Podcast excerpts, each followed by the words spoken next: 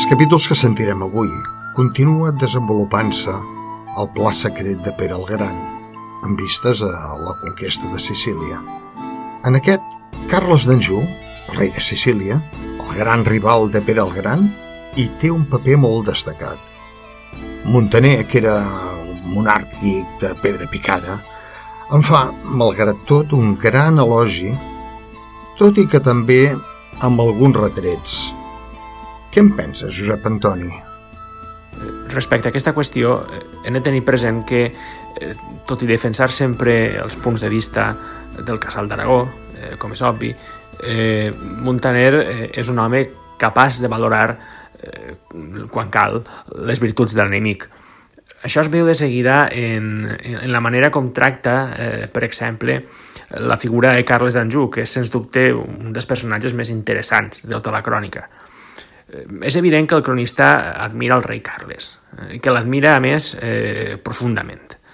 Eh, el presenta eh, com un rei dotat d'una formidable intel·ligència política, superior fins i tot a la del mateix per al Gran, i també eh, com un hàbil estrateg militar eh, gràcies a l'experiència acumulada en moltes guerres i batalles en les quals eh, va prendre part en escenaris tan diferents com ara eh, l'Egipte, Terra Santa, Tunis o, o Itàlia.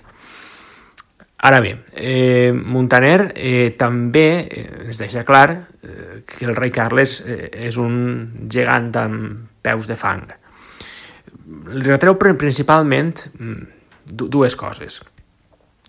La primera és eh, haver-li arrabassat eh, el regne de Sicília a la dinastia Hohenstaufen eh, només per satisfer eh, l'ambició de ser reina de la seva muller. Eh, recordem sobre aquest punt que Carles havia eh, vençut el rei Manfred de Sicília a Benevento i que havia fet eh, decapitar Conrad i Hohenstaufen eh, poc després d'haver-lo eh, derrotat a Tallacozzo. La segona cosa que li retreu eh, és el pecat de supèrbia en el qual va caure després d'haver-se convertit en, en, en rei. Eh, un pecat que el va portar a governar com un tirà eh, l'illa de Sicília i que va provocar eh, l'alçament dels sicilians contra eh, la seva eh, voluntat. Les vespres sicilianes, o sigui, la revolta del poble de Sicília contra el domini de Carles d'Anjou, és l'inici de la fi de la presència i domini francès a l'illa de Sicília. Es tracta aquest d'un episodi molt important en la història, ja no només de Sicília o de la corona d'Aragó, sinó de França i, diríem, de tota Europa. Com l'explica i com l'interpreta Montaner? Tot va començar un 30 de març de, de l'any 1282 a Sicília, a la ciutat de Palerm, a prop de l'església que encara avui es conserva del, del Santo Espíritu, on, aquest dia, seguint una eh, tradició local, eh, cap a l'hora de vespres, eh, és a dir, al cap vespre, a poqueta nit, eh, s'havien congregat eh, molts ciutadans per tal de celebrar eh, les festes de Pasqua. Eh, aquell, aquell dia, en dies com aquell, eh, les donzelles, vestides molt elegantment, eh, solien acudir a aquell temple acompanyades pels marits, els pares o, o els germans. Eh, aquell dia 30, Montaner explica que la festa transcorria eh, plàcidament fins que uns soldats francesos es van atansar al lloc i eh, tractaren d'abusar impúdicament o, o abusaren impúdicament d'algunes dones. La crònica diu, textualment, que ells els metien la mà pels vestits i les pessigaven i els metien les mans a les mamelles. Esclar, els presents, que estaven ja farts després de tants anys d'ocupació per part de les tropes del rei Carles, doncs eh, es van indignar molt eh, en veure un comportament tan, tan desvergonyit i començaren a cridar mm, a mort als francesos, mort als francesos. I efectivament, van donar mort als soldats responsables de l'ultratge. Això mm, va desencadenar un, un autèntic bany de sang perquè eh, tot seguit tota la guarnició angevina de Palerm fou eh, massacrada per la població. I ben aviat l'exemple dels palermitans eh, fou imitat per mm, moltes de les ciutats sicilianes. I així va ser com el foc de la revolta es va propagar per, per tota l'illa. Eh, naturalment, eh, en narrar tots aquests fets, eh, Montaner es posa a favor dels rebels eh, sicilians i interpreta eh, la revolta de les vespres com un, com un càstig de Déu a, a l'orgull i la tirania dels francesos.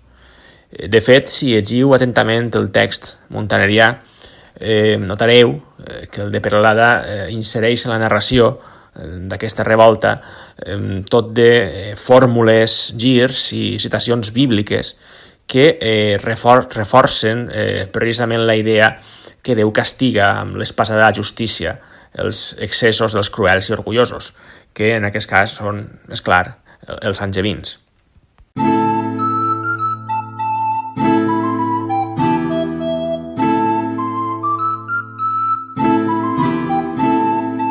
Tan bon punt el rei va arribar al regne de València, va trobar ambaixadors del rei de Granada que li portaven grans joies i grans presents i que li demanaven treves. I el senyor rei en Pere, pensant que el seu pla havia començat bé, els va concedir una treva de cinc anys. I segurament això era una cosa que ell no hauria fet mai si no fos perquè tenia la intenció de dur a terme la venjança de les morts del rei Manfred, del rei Corral i del rei Ens. Això el va fer decidir-se a acceptar la treva i, tot seguit, anunciar-la per totes les seves terres. Després d'això, ell va veure que havia aconseguit el primer objectiu del seu pla, és a dir, estava segur que que d'enlloc no podien venir atacs contra els seus dominis i que, per tant, ja podia començar a preparar l'expedició que tenia projectada. I llavors va pensar de fer possible el seu segon objectiu, és a dir, el d'aconseguir diners. I per totes les seves terres va pregar als seus vassalls que l'ajudessin amb diners perquè projectava una expedició de tal envergadura que que havia de reportar grans beneficis a ell i a tots els seus súbdits. I les seves gens sabien que tenia tant de coratge i tanta bondat que estaven convençuts que ell no es mouria per res que no valgués la pena. I cadascú li va concedir tot el que ell demanava, de manera que implantava tributs i d'altres impostos per tots els seus regnes i terres, que representaven tants de diners que allò era una infinitat. I de tot plegat, malgrat tot, els seus súbdits n'estaven molt contents. Ara deixaré de parlar d'aquesta recapta de diners per totes les seves terres i tornaré a parlar del rei Carles. Quan el príncep de Tàrem va abandonar les vistes de Tolosa, va continuar el seu viatge fins a reunir-se amb el rei Carles, el seu pare, que li va demanar notícies de la vista. I ell li va explicar tot el que li havia passat i com el rei de França i el rei de Mallorca l'havien tractat amb tots els honors, però que el rei d'Aragó no havia volgut saber res d'ell, sinó que se li havia mostrat esquiu i irat. El rei Carles no estava gens satisfet d'això i va intuir que tenia clavada al cor l'espina que ell tant sospitava i temia. El rei Carles, però, es refiava tant de la seva bona cavalleria i del seu gran poder que va decidir de no tenir cap mena de por del rei en Pere. I feia bé d'actuar així, perquè el rei Carles tenia quatre coses que no hi havia al món cap altre rei que les tingués. Primerament, que després de la mort del bon rei en Jaume d'Aragó, el rei Carles era considerat el príncep més savi i el millor en armes de tot el món. La segona, que era el rei més poderós del món, ja que en aquells moments era rei i senyor de tot el que el rei Manfred havia tingut. A més, era comte de Provença i d'Anjou. Després era senador de Roma i vicari general de tota la part guelfa de la Toscana, la Llombardia i de la Marca.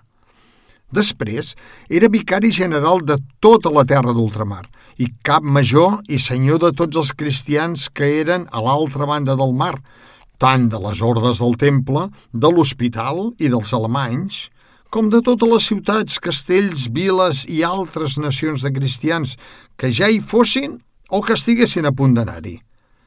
En tercer lloc, tenia de la seva part el Sant Pare Apostòlic i tota la Santa Església Romana, que el tenia com algun fenoner i regidor.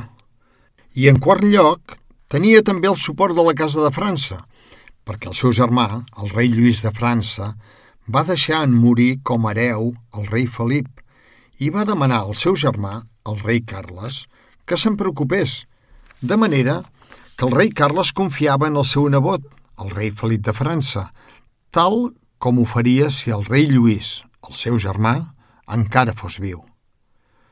Per tant, tenint en compte l'abast del seu poder, poca por li podia fer el rei en Pere d'Aragó, i així ell va confiar en aquest poder sense pensar en el poder de Déu.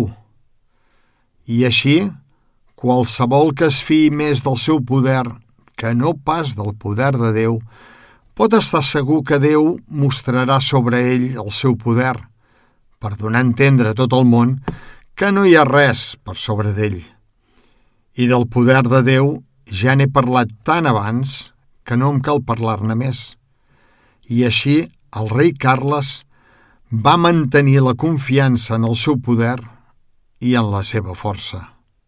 Mentre Carla d'Anjou se sentia ple de poder i de força, els seus oficials, escampats per tota l'illa de Sicília, no feien ni deien res més que maldats i actes plens de supèrbia, com que els semblava que en el món no hi havia cap altre déu que el rei Carles, els seus oficials s'oblidaven de Déu i dels homes i actuaven de tal manera que era sorprenent que els sicilians no els degullessin abans d'haver-ho de suportar. I entre les moltes calamitats que van cometre, un dia en què se celebraven unes festes, algunes dames molt gentils i de gran bellesa van anar a una església de Palerm, que és a prop del pont de l'Almirall, on durant les festes de Pasqua tota la població de Palerm va de romeria, sobretot les dames, que hi van totes. I uns soldats francesos, mentre sortien de la ciutat, van trobar aquelles dames que anaven acompanyades d'alguns homes joves, parents seus. I per tal de poder-les molestar i posar-los la mà allà on volguessin, els soldats van mirar si els seus acompanyants duien armes – i com que no en duien, van dir que les devien haver donat a les dames, de manera que van començar a escorcollar-les posant-los la mà allà on volien, pessigant-les i tocant-los les mamelles. Els joves que acompanyaven les dames, quan van veure no només això, sinó també els soldats pagant amb vergues de bou els homes i les dones que els oposaven resistència, van començar a cridar Adéu, nostre Senyor! Tanta supèrbia! Qui la podrà suportar? Qui la podrà esperar? Adéu, nostre Senyor! Ai, Déu, nostre Senyor! I en aquell moment, les queixes i els crits van arribar davant de Déu, que va voler que es fes venjança d'aquells i de molts altres actes arrogants i plens de maldat i va inflamar els cors dels joves que contemplaven aquelles mostres de supèrbia perquè cridessin que morin! Que morin! Que morin! Que morin! Que morin! I a partir del moment en què van començar els crits, van matar a cops de pedra tots aquells soldats. I després d'haver-los mort tots, homes i dones van entrar dins la ciutat de Palerm cridant... Morin-li Franceschi! Morin-li Franceschi! Morin-li Franceschi! Morin-li Franceschi! I de seguida tothom es va alçar en armes i van matar tots els francesos que hi havia a Palerm.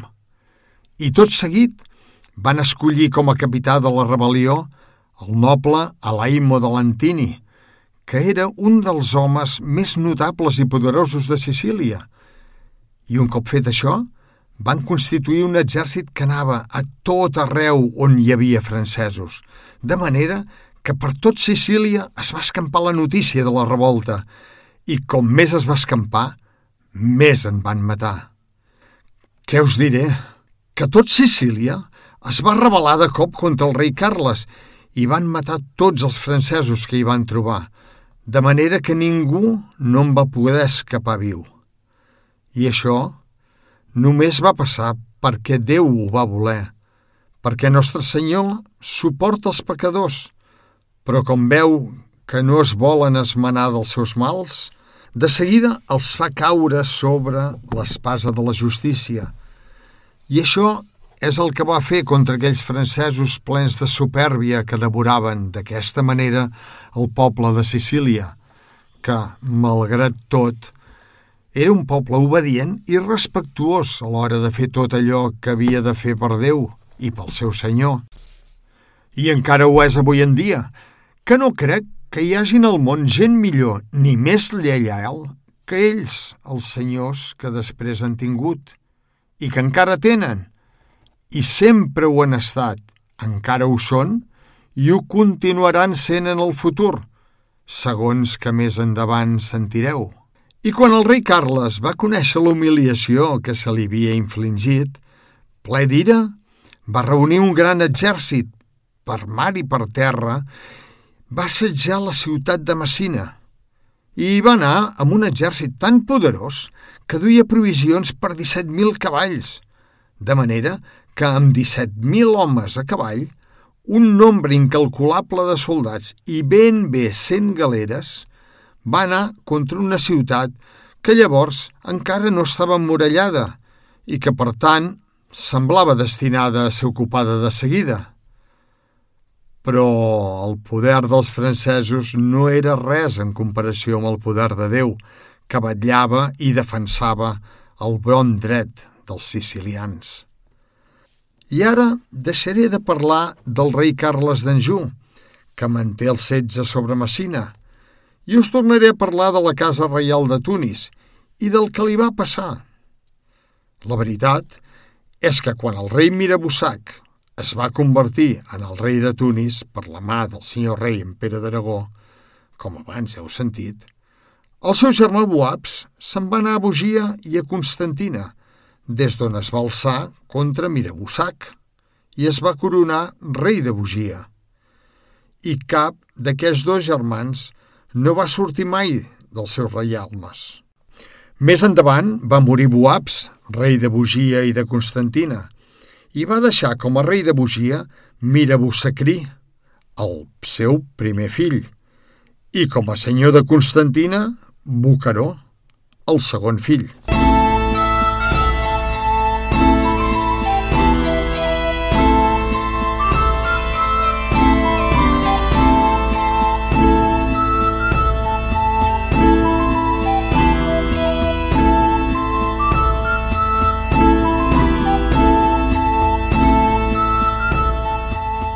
Gravació que acabeu d'escoltar s'ha enregistrat al Laboratori de Fonètica de la Facultat de Lletres i a l'Estudi de Ràdio de la Facultat de Turisme de la Universitat de Girona. La lectura és a càrrec d'Albert Martínez, amb la col·laboració de Mercè Mas. David Fernández s'ha encarregat de la taula de so i Glòria Ribugent del muntatge. La traducció del text al català modern és de Xavier Renedo i Josep Antoni Aguilar. La gravació ha comptat amb el finançament de la Institució de les Lletres Catalanes, la Diputació de Girona i el Grup de Recerca de Literatura Medieval de la Universitat de Girona.